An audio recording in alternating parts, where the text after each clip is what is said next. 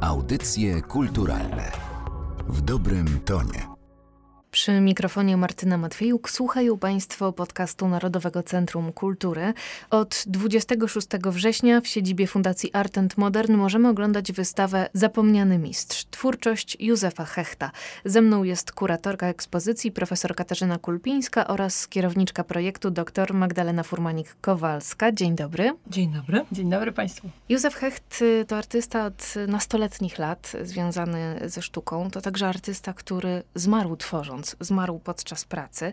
W latach dwudziestych ubiegłego wieku zyskał rozgłos europejski jako świetny grafik. Większość życia spędził poza Polską, ale to właśnie tutaj odebrał wykształcenie artystyczne. W dodatku pod kierunkiem wybitnych twórców. Zgadza się. Zacznijmy od początku, w układzie chronologicznym, tradycyjnym, jak to zwykle bywa, ale żeby przybliżyć słuchaczowi jego pochodzenie, jego drogę artystyczną, Józef Mojżesz Hecht, bo tu trzeba wspomnieć o dwóch imionach. To pierwsze imię brzmi Mojżesz, natomiast drugiego artysta zaczął używać w momencie, kiedy zaczął na poważnie zajmować się twórczością i kiedy zaczął być rozpoznawalny. Ze względu na to, że działał w środowisku paryskim, być może uznał, że Józef jest bardziej bardziej międzynarodowe. Artysta urodził się w Łodzi, w rodzinie przedsiębiorcy tekstylnego.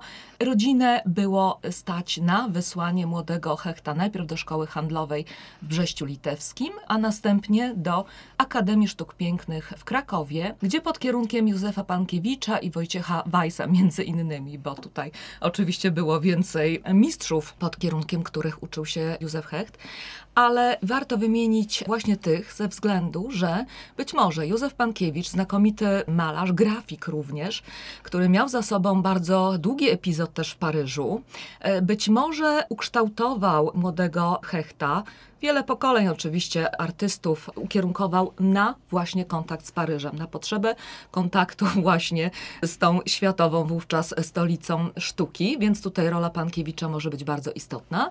Natomiast, jak już wspomniałam, Pankiewicz był także świetnym grafikiem, był mistrzem technik metalowych, podobnie jak e, Wojciech Weiss, który w tym czasie również uprawiał techniki metalowe i być może ci właśnie dwaj artyści, nauczyciele wprowadzili Józefa Hechta właśnie w tajniki grafiki, oczywiście malarstwo, wiadomo, klasyczny program e, ówczesnej ASP obejmował wszystkie dyscypliny, więc Józef Hecht z pewnością był dobrze wykształconym artystą.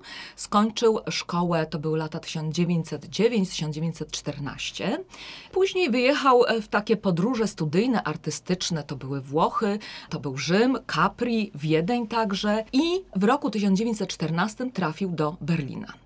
Tam zastała go pierwsza wojna światowa. No i cóż, no, jako poddany ówcześnie cara, niestety Berlin nie był dla niego dobrym miejscem w czasie wojny, jak w ogóle dla wielu innych ludzi, którzy się tam znaleźli z innych względów. No i dostał właściwie no, taką propozycję nie do odrzucenia. Ówcześnie Norwegia była w tym czasie jeszcze neutralna, więc y, Hecht właśnie dostał niejako zaproszenie do Norwegii, tam też się udał i o dziwo, a może wcale nie jest to dziwne, pięć kolejnych lat właśnie spędził w Norwegii. Okazało się, że wcześniejsze doświadczenia włoskie, czyli wyspa Capri, prawda, Rzym, niesamowite światło południa i nagle artysta znalazł się właśnie na północy, gdzie zupełnie też były inne warunki przyrodnicze, a trzeba dodać, że Józef Hecht e, bardzo e, mocno zajmował się naturą w każdej właściwie, w każdym przejawie, w każdej postaci. Natura, przyroda, zwierzęta, krajobraz, e, wszystkie te motywy były mu bardzo bliskie i nagle w tej Norwegii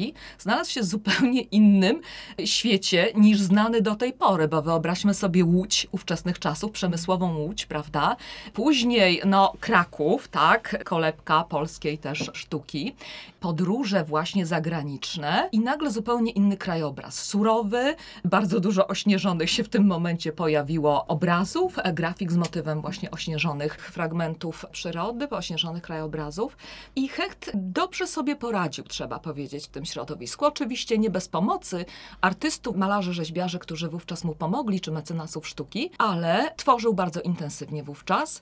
Powstały bardzo ciekawe prace i przedstawiające fragmenty miast, bo zamieszkał koło Oslo. To była miejscowość Asker. Tam są takie bardzo nieopodal ciekawe wzgórza, Skaugumsasen, tam jest jezioro Svanet. Tam jest naprawdę przepiękny krajobraz, czy malownicze klify, które też znalazły się właśnie w twórczości, w grafikach i w obrazach Hechta. Tak Także ten pejzaż bardzo mocno jakby zagościł na te parę lat w jego twórczości. Również dał radę zrobić dwie wystawy, to znaczy na tyle miał już dobry dorobek, że w Oslo i w Bergen odbyły się właśnie dwie wystawy Józefa Hechta. Także przez te kilka lat wojennych artysta naprawdę nie próżnował, pracował na swoje nazwisko. Tak jak mówiłam, tworzył głównie pejzaże, ale też widoki miast. Pewne kompozycje symboliczne również powstały. Działał w tym czasie w zakresie malarstwa i grafiki. Także to jest ten etap bardzo ciekawy. W 1919 roku, już oczywiście po wojnie, artysta odwiedził swoją rodzinną Łódź, odwiedził rodziców, swoje miasto. Został tam prawdopodobnie do początków 1920 roku, czyli ten okres jakby pierwszy właśnie norweski mamy już e, za sobą. I artysta właśnie prosto z Łodzi udał się do Francji, co było jego zamysłem już od dawna, no ale tutaj pierwsza wojna zdecydowanie pokrzyżowała szyki nie tylko jemu, dodajmy, prawda? No to wówczas zawierucha i, i wielu artystów próbowało znaleźć swoje miejsce albo wręcz walczyło, tak? No właśnie, artysta stopniowo wchodzi w środowisko artystyczne mhm. Paryża. Po kilku latach sam staje się rozpoznawalny. Tak. Potrafił się odnaleźć w tym środowisku, potrafił się odnaleźć za granicą, a może znalazł promotorów przychylnych jego no, sztuce? No, oczywiście, bez udziału ludzi, którzy chcieli mu pomóc. Pewnie te początki nie byłyby takie łatwe. Ja nie mówię, że one w ogóle były łatwe, ale y, Józef Hecht miał tendencję, miał zdolność do, do uczenia się języków, więc on już po iluś tam latach po prostu we Francji bardzo dobrze mówił w kilku językach. Tutaj oczywiście na początku nieodzowna była pomoc artystów, rzeźbiarzy, Mojse Kogana chociażby, który też pomógł wynająć mu pracownię w znakomitym takiej enklawie artystycznej Cité Falquier pod numerem 14, gdzie artyści mieli swoje studia, pracownie, w których mogli też mieszkać, więc to była taka bardzo ciekawa kolonia na Montparnasse. Montparnasse zyskiwał wówczas na randze, oczywiście Montmartre, wiadomo, to też historia niezwykła, znaczona znakomitymi nazwiskami, natomiast Montparnasse też był tym bardzo żywym takim środowiskiem artystycznym. I trzeba dodać, że artysta miał od początku kontakt z wybitnymi twórcami tej epoki, bo mieszkał też w ich sąsiedztwie. Oni się po prostu znali osobiście, mieli obok siebie swoje pracownie. I w tym środowisku literatów także, bo trzeba dodać, że mieszkali tam także francuscy symboliści. Towarzystwo, środowisko było międzynarodowe, to też warto podkreślić. I w tym środowisku bardzo szybko Hecht zaczął znakomicie się odnajdować, bo w 1923 roku już miał swoją wystawę, pierwszą swoich grafik, właśnie w Paryżu, w galerii Le Nouvel Essor. Także to był bardzo dobry początek. W tym czasie myślę, że artysta mógł już w jakiś sposób, w jakimś zakresie wyposażyć swoją pracownię, bo żeby tworzyć grafiki, musiał pozyskać prasę, był znakomitym rytownikiem, działał na miedzi, rylcem na miedzi. W związku z tym musiał też pozyskać arkusze blachy, co nie było tanie. Miedź jest zawsze w cenie, oczywiście. Więc te początki myślę, że nie były wcale takie łatwe, chociaż nie było zupełnie tak, że artysta był rzucony na głęboką wodę, że jakieś przyjaźnie oczywiście tam zawarł i pomoc też otrzymał. Bardzo szybko zapracował na swoje nazwisko na początku jako grafik, właśnie jako rytownik. W Asker pod Oslo on też miał szansę robić grafiki, natomiast to były linoryty, drzeworyty, nie tak wymagające jak miedzioryty, a w Paryżu właśnie Józef Hecht na dobre zajął się właśnie miedziorytem i sam wypromował też artystę, który zyskał później bardzo dużą rozpoznawalność. Ten artysta był jego przyjacielem, a to był młody Brytyjczyk, wówczas kiedy Hecht go pozna, młody Brytyjczyk Stanley William Hayter, któremu też w 1927 roku pomógł założyć takie studio graficzne Atelier 17, taka była nazwa tego atelier. Oni właściwie bardzo też mocno eksperymentowali. To znaczy na początku Hecht uczył go techniki właśnie rytowania w miedzi, natomiast Hayter później sam rozwinął skrzydła i właściwie z kolei on później nazwisko Hechta rozsławiał między innymi za oceanem w Nowym Jorku, bo na chwilę po wojnie tam się to atelier, już po II światowej dodajmy, na no, parę no, lat, tak. tak? Tam się atelier przeniosło i jak się okazuje ta współpraca, ta przyjaźń zaowocowała naprawdę w znakomity sposób na różnych polach. Ale ja wybiegłam nieco w czasie, wróćmy jeszcze do tego Paryża. W latach dwudziestych jego nazwisko zaczynało być rozpoznawalne.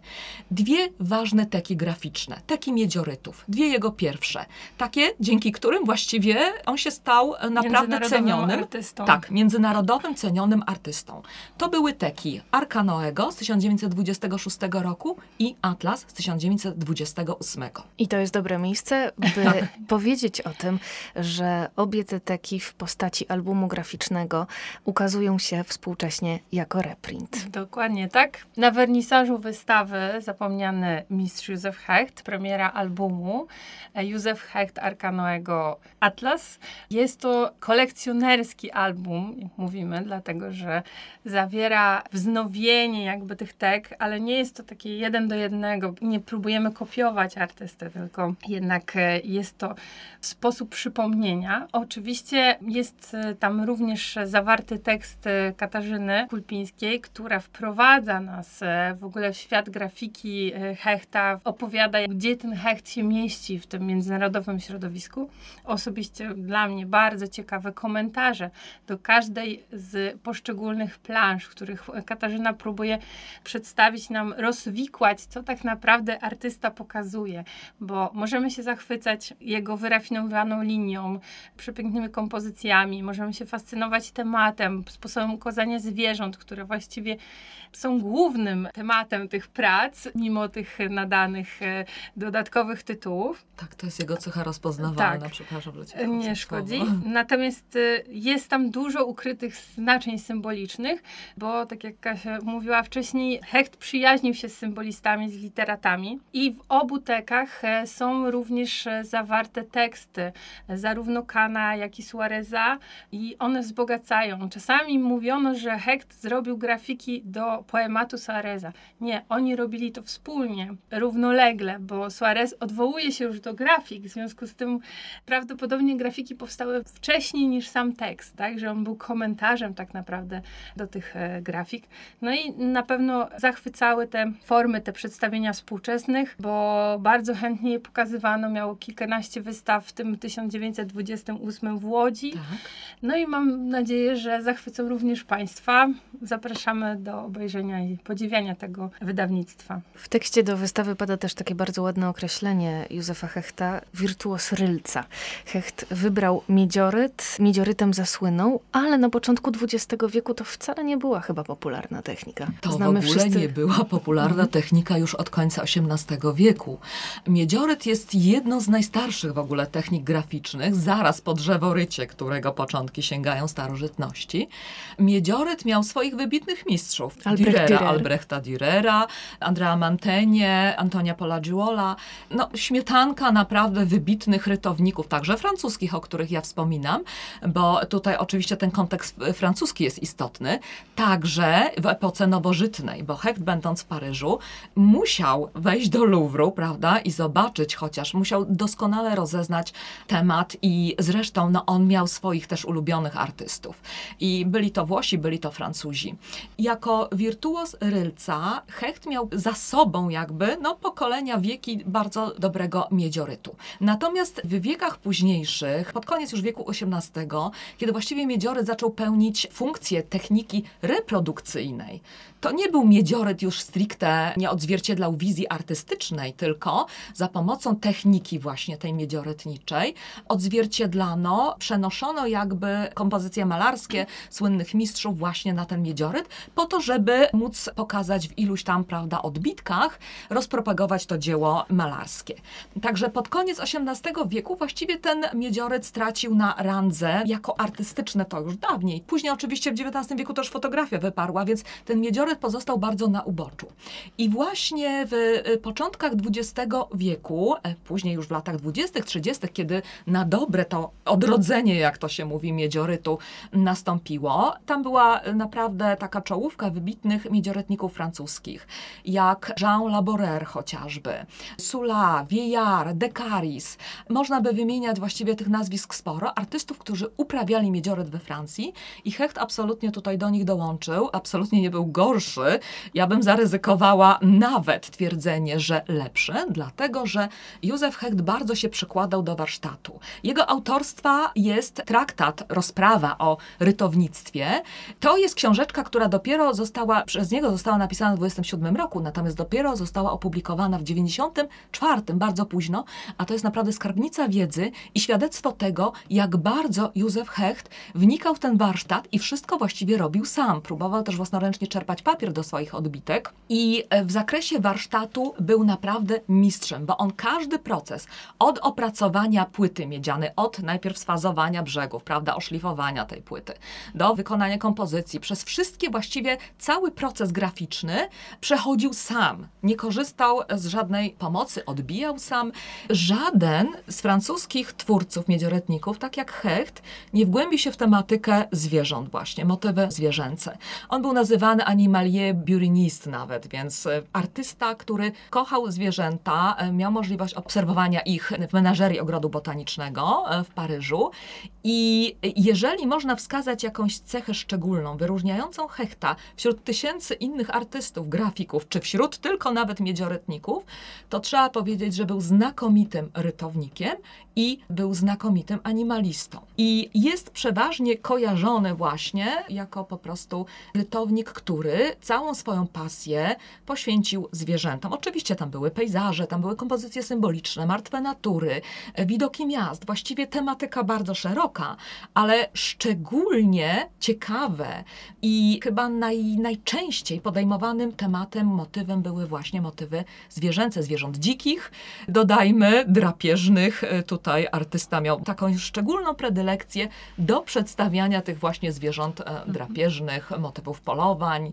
no ale też tych ssaków, ale prawda, myślę, na że też warto powiedzieć, że to nie były polowały. przedstawienia po prostu zwierząt, tylko one tak jak e, nie bez powodu przyjaźnił się z literatami, symbolistami, Tak. że one jednak miały znaczenie symboliczne bardzo często. I te Tak. sceny polowań to nie były po prostu sceny polowań, tylko były to formy trochę alegorii współczesnej. Mhm. Ale też chyba trzeba podkreślić, że mimo tego, że Hecht wrócił do dawnej techniki, jednak był na wskroś modernistycznym artystą, nowoczesnym. Oczywiście. Bo te jego grafiki jakby są znakomite warsztatowo, ale już następuje pewne uproszczenie formy, które jest typowe właśnie dla tego czasu i wręcz niektórzy badacze wpisują go nawet właśnie w takie tendencje art deco, ponieważ one są na tyle wyrafinowane, płynne, dekoracyjne, dekoracyjne, geometryzujące niekiedy, stylizowane i rytmiczne. Ta rytmika faktycznie jest zachowana i to faktycznie w niektórych sztychach, w niektórych właśnie pracach graficznych Hechta pobrzmiewa bardzo silnie właśnie ta tendencja ardekowska, także to jest naprawdę nowoczesny miedzioret. On warsztatowo jest znakomity, czerpiący ze źródeł jeszcze nowożytnych, natomiast y, w formie to jest bardzo już nowoczesne. Na Tak jest. warszawskiej wystawie zobaczymy jednak nie tylko grafikę. Dokładnie tak. Hecht zasłynął jako grafik przede wszystkim, ale Hecht był też malarzem. Pierwsza jego dyscyplina, którą jakby poszedł uczyć się na akademię, to było malarstwo. I Hecht zachwyca tym, że z jednej strony jest niezwykle precyzyjny, finezyjny w grafice, i jak przyjdą Państwo obejrzeć naszą wystawę, to zachwycą się, jakim niesamowitym wyczuciem koloru, jakim wyczuciem formy, kompozycji również w malarstwie e, się charakteryzuje. To są bardzo często bardzo ekspresyjne dzieła, inspirowane postimpresjonizmem. Na pewno znajdziemy pewne reminiscencje twórczości Van Gogha, e, ale także Fowistów. fowistów, e, ale także celnika Rousseau, Tak. więc e, Hecht przetwarzał, jakby czerpał, tak? Był w tym środowisku, wiedział, co się dzieje, najświeższe kierunki, ale tak naprawdę wykształcił swój własny, indywidualny styl, zarówno w grafice, jak i w malarstwie. A dodajmy, że także w rzeźbie, bo około 1930 roku Hecht zaczął tworzyć, również odlewać rzeźby w brązie. Są to zwierzęta. Na, na wystawie na Powiślu można obejrzeć e, dwie prace, Lamę i Bizona. Na pewno znajdziemy pewne podobieństwa stylistyczne do sposobu, w jaki przedstawiał te zwierzęta również w grafice, ale zachwyca po prostu umiejętność jednak oddania też emocji tych zwierząt, ich jakby ruchliwości w takim twardym materiale i to jest y, po prostu fenomenalne, jak jeden artysta potrafił się odnaleźć w tak zupełnie odmiennych e, Tak. formach, bo często mówimy, że graficy malują albo malarze robią grafiki, natomiast u niego w każdej dziedzinie jest równoważnie Tak. dobry. I dodajmy, że jeżeli widzieliśmy wcześniej grafiki miedzioryty z motywem lamy, to doskonale tę lamę rzeźbiarską, właśnie tę odlaną w brązie, umiejscowimy, odnajdziemy. To jest dokładnie ta sama lama, którą znajdziemy w grafikach. Y, splot futra, drobne takie cyzelatorskie, różne zawinięte gdzieś tam pukle właśnie tego futra. To jest wszystko bardzo, bardzo spójne. I tutaj Hecht naprawdę, on miał swoje oczywiście motywy ulubione zwierzęce. Łania się bardzo często powtarza, taka Mhm. centkowana. Łania, lew, e, czasami uskrzydlone są to zwierzęta. Ewidentnie już wtedy wkraczają w sferę symboliki, która też nie była obca właśnie Hechtowi, jak Magda powiedziała. Pojawiają się motywy też judaistyczne, czasami bardzo takie zakamuflowane, wrzucone, że tak powiem kolokwialnie, w obszar zupełnie innych motywów, ale łatwo je, e, myślę, dla wprawnego oka, tak, wyłowić i odczytać też w zupełnie innym kontekście. Zanim powiemy o tym, co stało się z pamięcią o Józefie Hechcie, to chciałabym zapytać, czy wiemy, jak artysta spędził okres II wojny światowej? Dodajmy artysta żydowskiego pochodzenia. Tak, oczywiście. To w ogóle nie był łatwy czas dla, dla wszystkich oczywiście nacji, ale dla też artystów działających we Francji e, pochodzenia żydowskiego, oni też się oczywiście musieli ukrywać. I Hecht obawiał się i też słusznie oczywiście o swoje życie i e, jego e, takim azylem stał się region Sabaudi, miasteczko Belej, gdzie w domu zaprzyjaźnionego, też kolekcjonera właściwie jego dzieł, bo to był też miłośnik prac Hechta, on spędził kilka właśnie lat wojny. Tam artysta też próbował się odnaleźć w tej codziennej rzeczywistości, próbował też tworzyć, co też nie było łatwe, bo o ile e, jakieś e, farby czy ołówki, kredki, to nie było to problemem, to w miedzi, no miedzi było znacznie trudniej pozyskać, tak, szczególnie w czasie wojny, gdzie właściwie każde metale były w cenie, ale z, z zapisków, wspomnień zaprzyjaźnionego z nim wówczas bardzo młodego człowieka, dla którego Hecht się stał takim guru, właściwie takim mistrzem, z tych jego wspomnień wiemy, że mimo wszystko udało się Hechtowi pozyskiwać blach, część być może przywiózł ze sobą i udało się w czasie wojny nawet kilka miedziorytów wyrytować. Pewnie nie odbić, ale wyrytować. Był przedmiotem podziwu taki słynny kogut pyszniący się właśnie, e, myszołowy, tak? I Hecht też z natury malował, rysował, później rytował. Jest wspomnienie o takim właśnie myszołowie, którego przyniesiono z lasu i który stał się właśnie obiektem dla Hechta. Także mimo tych wydarzeń wojennych, tej traumy, Hechtowi udawało się jednak tworzyć, więc jednak próbował się odnaleźć także w tych realiach tego kataklizmu wojennego. To jest okres nie do końca może jeszcze zbadany, bo nie wiemy o wielu realiach, które tam wtedy miały miejsce, wśród których Hecht musiał się obracać. Ukrywał się z powodzeniem, trzeba dodać, na szczęście. Natomiast potem i tak psychicznie wyszedł obolały, bo gdy wrócił do Paryża, przyjaciel, wspomniany już Stanley William Hayter, próbował coś zaradzić na tę depresję artysty. On podupadł na zdrowiu także fizycznie, tak, ale też psychicznie. I Hayter znakomity, moim zdaniem, wynalazł sposób na ożywienie, na pobudzenie tej energii artysty, bo wystarczyło, że przyniósł świeży arkusz e, pięknej, błyszczącej miedzianej blachy i ten błysk po prostu zdziałał cuda. Dokończ tą historię, bo ona jest znakomita. Jakby to pierwsze powojenne takie ocknięcie się Józefa Hechta było związane z tym, że no właśnie wspólnie z przyjacielem, z Hayterem, Hayter zaprosił go właśnie do pracy na tym jednym arkuszu blachy i wspólnie wykonali na nim kompozycję Topielica. Co ciekawe, współpraca była na tyle jakby udana i owocna, że mimo, że kompozycja jest bardzo spójna jest znakomita, to widać każdą jakby kreskę, styl danego artysty, który z nich za jaki fragment po prostu tej blachy odpowiada. I jest to przykład, nie znam drugiego takiego owocnego współdziałania dwóch czy dwojga artystów, którzy by taką świetną kompozycję wykonali wspólnie. Więc jest to na pewno jakiś ewenement, w przypadku e, myślę grafiki także.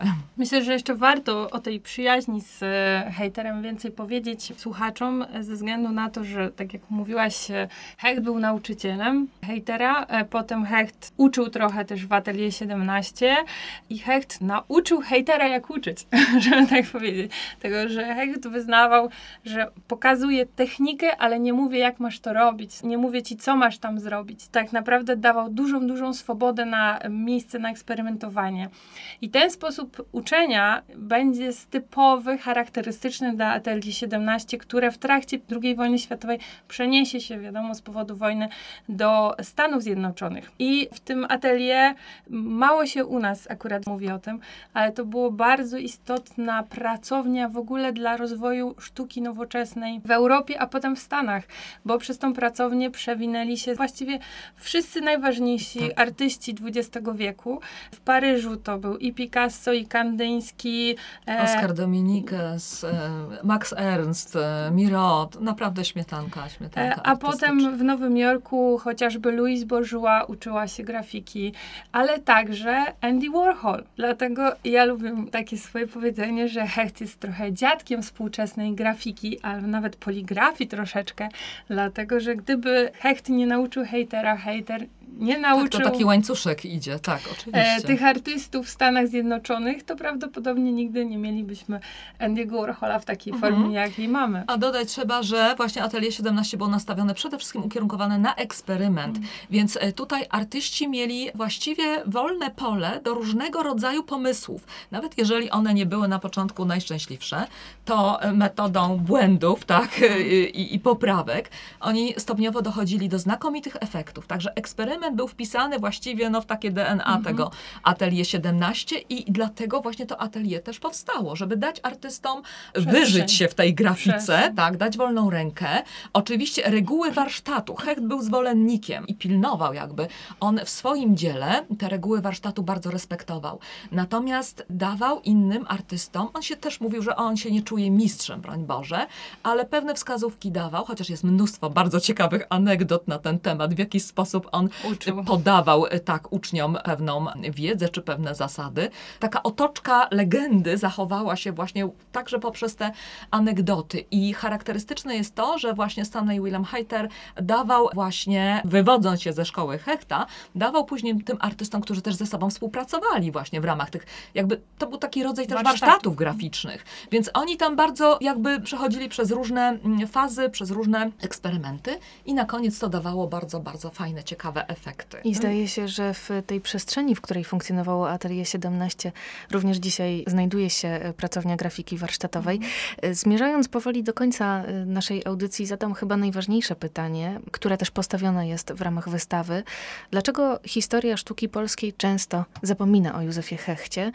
Być może dla wielu z Państwa ten podcast jest pierwszym zetknięciem się z tym artystą. Cóż, tu by można wskazać bardzo, bardzo różne przyczyny. Oczywiście to, że Hecht wywodząc się ze środowiska polskiego, przechodząc przez znakomitą Akademię Krakowską, ostatecznie, że tak powiem, za ojczyznę, tą drugą swoją ojczyznę wybrał Francję. I w środowisku francuskim jako grafik, oczywiście to nie jest nazwisko nieznane, prawda? On jest rozpoznawalny, bo on pracował na to nazwisko. I w latach 20-30 naprawdę to była znakomita kariera. On święcił triumfy, mnóstwo wystaw, także w Stanach, także w Afryce Południowej, w Szwecji. Naprawdę te wystawy krążyły po całej Europie, ale to są lata 20-30, tak? Przeszła wojna, Hecht jeszcze tworzył do lat 50., kiedy zmarł, tak jak faktycznie pani mówiła, tworząc swojej pr pracowni e, graficznej. I później jeszcze kilka wystaw takich pośmiertnych artysty było dużych, ale do Polski to nie bardzo docierało. Tak naprawdę jedyna wystawa za życia artysty to był rok 28, to była wystawa w Łodzi. Później dopiero, jeżeli mówimy już o okresie powojennym, dlaczego Hecht właściwie w Polsce nie istniał, to nazwisko było zapomniane, no to dopiero e, w 1993 roku w Katowicach była wystawa jego grafiki.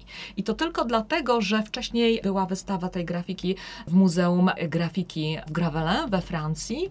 Wydano katalog rozumowany i niejako ta wystawa częściowo po prostu przeszła do Katowic. I to właściwie było wszystko, jeżeli chodzi o propagowanie nazwiska mm, Hechta w Polsce. On był artystą bardzo mm, takim wiernym swojemu stylowi, e, był e, wyrazisty, rozpoznawalny, ale przez to, że wyrazisty i, i taki odrębny. bardzo os osobny, odrębny, trudny do zaszufladkowania. A wiadomo, że człowiek przeważnie myśli takimi kategoriami, aha, tego można przepisać do tej grupy na przykład, czy do tego stylu, stylu czy do tej dyscypliny. U Hechta mhm. nie ma czegoś takiego. Po prostu trudno go gdziekolwiek wpisać, bo też grupa czasami mhm. określa, prawda, artystę, do której dany artysta należy i najłatwiej pociągnąć po prostu za ten sznurek w pamięci i aha, to jest z tej grupy, więc no tak. Wow, Czyli Hechta to nie zachodziło po prostu, tak, tak. Odrębność Hechta na pewno i na pewno to, że ta spuścizna artysty jednak została poza granicami, została rozproszona, bo Hecht miał syna, który też był e, artystą, był ilustratorem przede wszystkim książek dla dzieci i też malował i część jakby mm, pozostała właśnie rzeczy w przysynu, tak? A druga część spuścizny była z, razem z jego drugą żoną prawdopodobnie e, w Skandynawii. E, W związku z tym e, Duże rozproszenie prac. Duże rozproszenie Tak, jego prac i w Polsce w tej chwili mamy może, jeżeli chodzi o obrazy olejne, w zbiorach publicznych jest ich sześć. Bardzo niewiele, to prawda. Grafik Oczywiście w przypadku więcej. grafiki jest zupełnie inaczej, Tak, bo właśnie. miedzioryty mogą osiągać naprawdę bardzo duże nakłady. I jako grafik e, myślę, że jest bardziej znany i polskim kolekcjonerom, Mhm. chociaż bardzo dużo w Stanach też jest jego prac i we Francji. To- Ale myślę, że jeszcze jako grafik może być bardziej po prostu rozpoznawalny, Mhm. ale to też raczej dla wtajemniczonych, bo no tutaj, no cóż, w Polsce akurat grafika mm, Nie cieszy się cieszyła dużą się popularnością. aż takim powodzeniem jak malarstwo. Jednak tutaj y, nasze preferencje y, zawsze szły w kierunku malarstwa, a grafika bardzo często wydawała się może niezrozumiała, może przez Mhm. ten specyficzny warsztat nie do końca tak trafiała. Znaczy, nie chcę jakby bardzo generalizować, ale jednak jest coś takiego, że, że bardziej malarstwo, tak? Że jak jest obraz, jak jest barwa, jak jest, widać te pociągnięcia pędzla, pewną mięsistość, a mm, prawda, fakturę.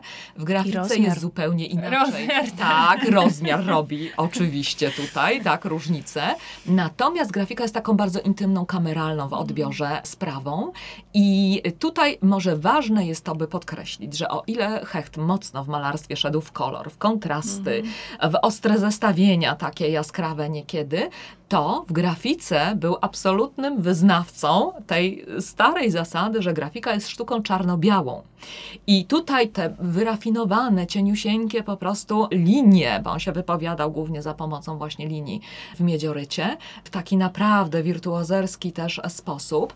Czasami te kompozycje były właśnie symboliczne, więc być może nie do końca rozszyfrowywalne na pierwszy rzut oka i przez to stawiające pewien opór odbiorcy, więc ta sztuka graficzna jest trudniejsza w odbiorze. Tych odbitek jest więcej, one w Polsce się też znajdują w polskich zbiorach, natomiast ona jest trudniejsza w odbiorze i być może dlatego tutaj nie do końca właśnie hechta rozpoznawalno, czy, czy, czy, czy Ale trzeba dodać, że w, na świecie, we wszystkich najważniejszych bibliotekach, największych, które posiadają zbiory graficzne, Hecht wszędzie funkcjonuje. tak jest reprezentowany. W Tak. British Library, Tak.